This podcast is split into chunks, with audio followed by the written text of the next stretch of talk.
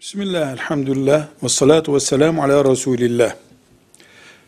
Nafaka, ekonomik harcama yapmak demek. Eğer Allah verdiyse, bütün dünyayı doyuracak imkanı olan biri bütün dünyayı doyurmalı. Ama kısıtlı imkanlar kullanan, zoraki yetiştirip harcayabilen bir Müslümanın bir sıralaması olması gerekir. Bu sıralama fıkhen bir, kendi canını ayakta tutmak. İki, sorumlu olduğu eşini ayakta tutmak. Üç, doğurduğu, büyüttüğü çocuğunu ayakta tutmak.